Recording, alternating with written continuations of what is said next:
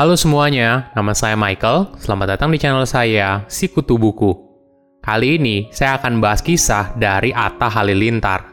Sebelum kita mulai, buat kalian yang mau support channel ini agar terus berkarya, caranya gampang banget. Kalian cukup klik subscribe dan nyalakan loncengnya. Dukungan kalian membantu banget supaya kita bisa rutin posting dan bersama-sama belajar di channel ini. Minggu kemarin, pernikahan Atta dan Aurel menjadi trending di mana-mana bahkan sampai dihadiri oleh Presiden Jokowi, Menteri Pertahanan Prabowo, dan diunggah oleh akun resmi Sekretariat Negara. Tentu saja hal ini menimbulkan pro dan kontra. Di sisi pro, mereka berpendapat kalau Jokowi dan Prabowo hadir dalam kapasitasnya sebagai pribadi. Selain itu, setiap pengunjung sudah melalui protokol kesehatan yang ketat dan PCR test. Namun di sisi kontra, mereka berpendapat kenapa sampai harus diunggah oleh akun resmi Sekretariat Negara apakah pernikahan tersebut merupakan acara negara. Mereka juga membandingkan pernikahan Atta yang dihadiri oleh Jokowi dan Prabowo dengan pernikahan masyarakat kecil yang banyak dibubarkan oleh pihak keamanan. Terlepas dari pro dan kontra, ada sebuah komentar netizen yang cukup membuat saya juga penasaran. Apa prestasi dari Atta?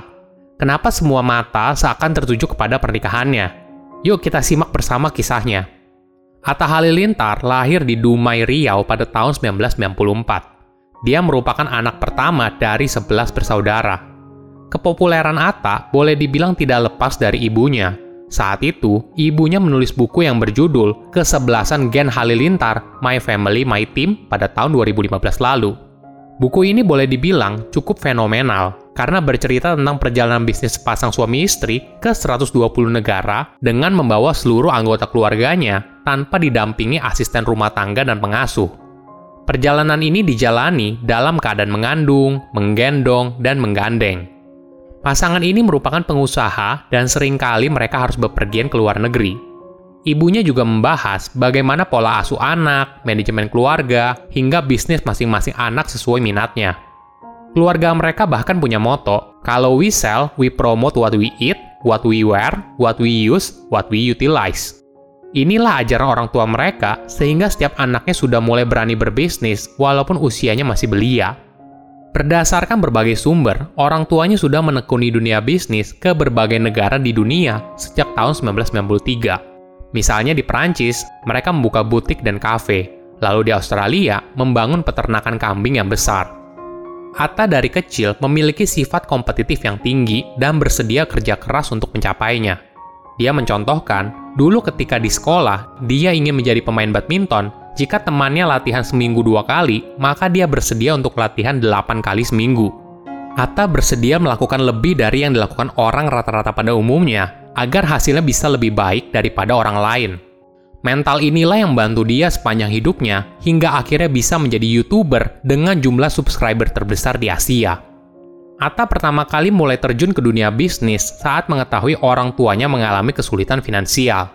Orang tuanya memutuskan untuk pindah ke Kuala Lumpur untuk memulai kembali usahanya dan dia baru berusia 11 tahun. Saat itu, Atta tinggal di rumah kos, menunggak uang sekolah sampai 2 tahun, hingga mengais roti sisa di supermarket sebelum dimasukkan ke dalam tong sampah.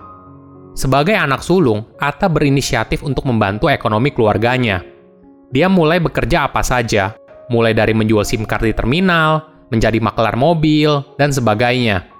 Ketika dia berjualan SIM card di terminal, ayahnya mengajarkan dia untuk jangan malu ketika miskin, tapi malulah ketika kamu berbuat salah pada orang lain.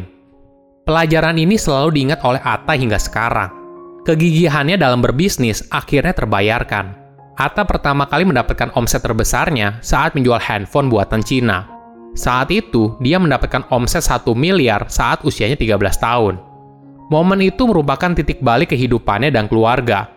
Atta bercerita, saat itu dia bisa menggunakan uang itu untuk DP mobil keluarga, sewa rumah, dan sebagainya. Perkenalan Atta dengan YouTube pertama kali karena dirinya ingin berdagang. Mindsetnya saat itu adalah mendapatkan followers yang banyak agar dagangannya bisa laku. Karena promosi itu mahal, makanya Atta menggunakan platform YouTube yang gratis sebagai media promosi. Dari situ, dia pun lalu mengembangkan kontennya ke arah yang lain. Apalagi setelah buku yang diterbitkan oleh ibunya meledak di pasaran. Waktu itu ketika mereka sekeluarga diundang di TV, mereka pun punya ide untuk bikin cover lagu. Karena hal ini bisa jadi keseruan sendiri ketika diundang oleh TV. Mereka sekeluarga lalu membuat cover lagu dari Maher Zain dengan judul One Big Family. Tanpa disangka, cover lagunya langsung viral di mana-mana. Atta boleh dibilang cukup peka dalam membaca tren dan menyalurkannya ke dalam sebuah ide kreatif. Misalnya, dia boleh dibilang salah satu pelopor segmen prank di YouTube Indonesia. Konten jenis ini lalu sangat disukai oleh netizen. Dari situ, kemudian muncul lagi idenya yaitu grebek rumah. Apalagi saat itu, banyak orang membicarakan soal kekayaan Andre Taulani dan Sule. Atta pun memanfaatkan kesempatan ini untuk membuat konten grebek rumah Andre dan grebek rumah Sule konsistensi untuk selalu rutin upload dan ide konten yang segar selalu dia pertahankan hingga akhirnya menjadi YouTuber dengan jumlah subscriber terbanyak di Asia. Kadang ketika kita melihat orang sukses, kita hanya melihat mereka saat di atas saja. Tapi sebelum mencapai ke titik tersebut, banyak sekali rintangan hidup yang harus mereka lewati. Bahkan ketika sudah sampai di puncak, bukan berarti masalah sudah selesai. Semakin banyak masalah yang silih berganti, ibaratnya semakin tinggi pohon, maka semakin kencang pula angin yang menerpanya. Atta bercerita, ketika di posisinya di puncak, masalah silih berganti, mulai dari berbagai kasus di pengadilan yang bahkan dia tidak tahu tentang apa, hingga komen haters yang kadang menyakiti hatinya.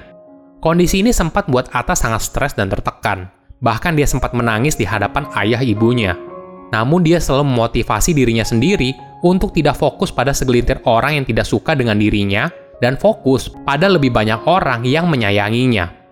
Tekanan yang dialami oleh Atta dan figur publik lainnya juga berasal dari ekspektasi penggemarnya yang tidak realistis.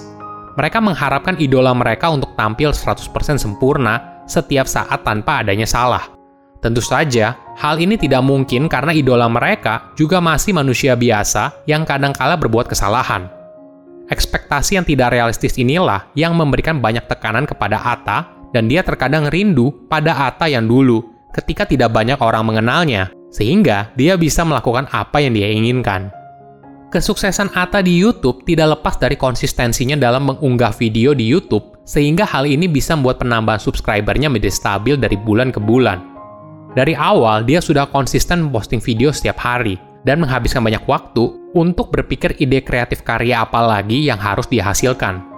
Konsistensi ini yang sulit ditiru oleh banyak orang, karena hal ini membutuhkan disiplin dan komitmen tinggi atas apa yang dikerjakan.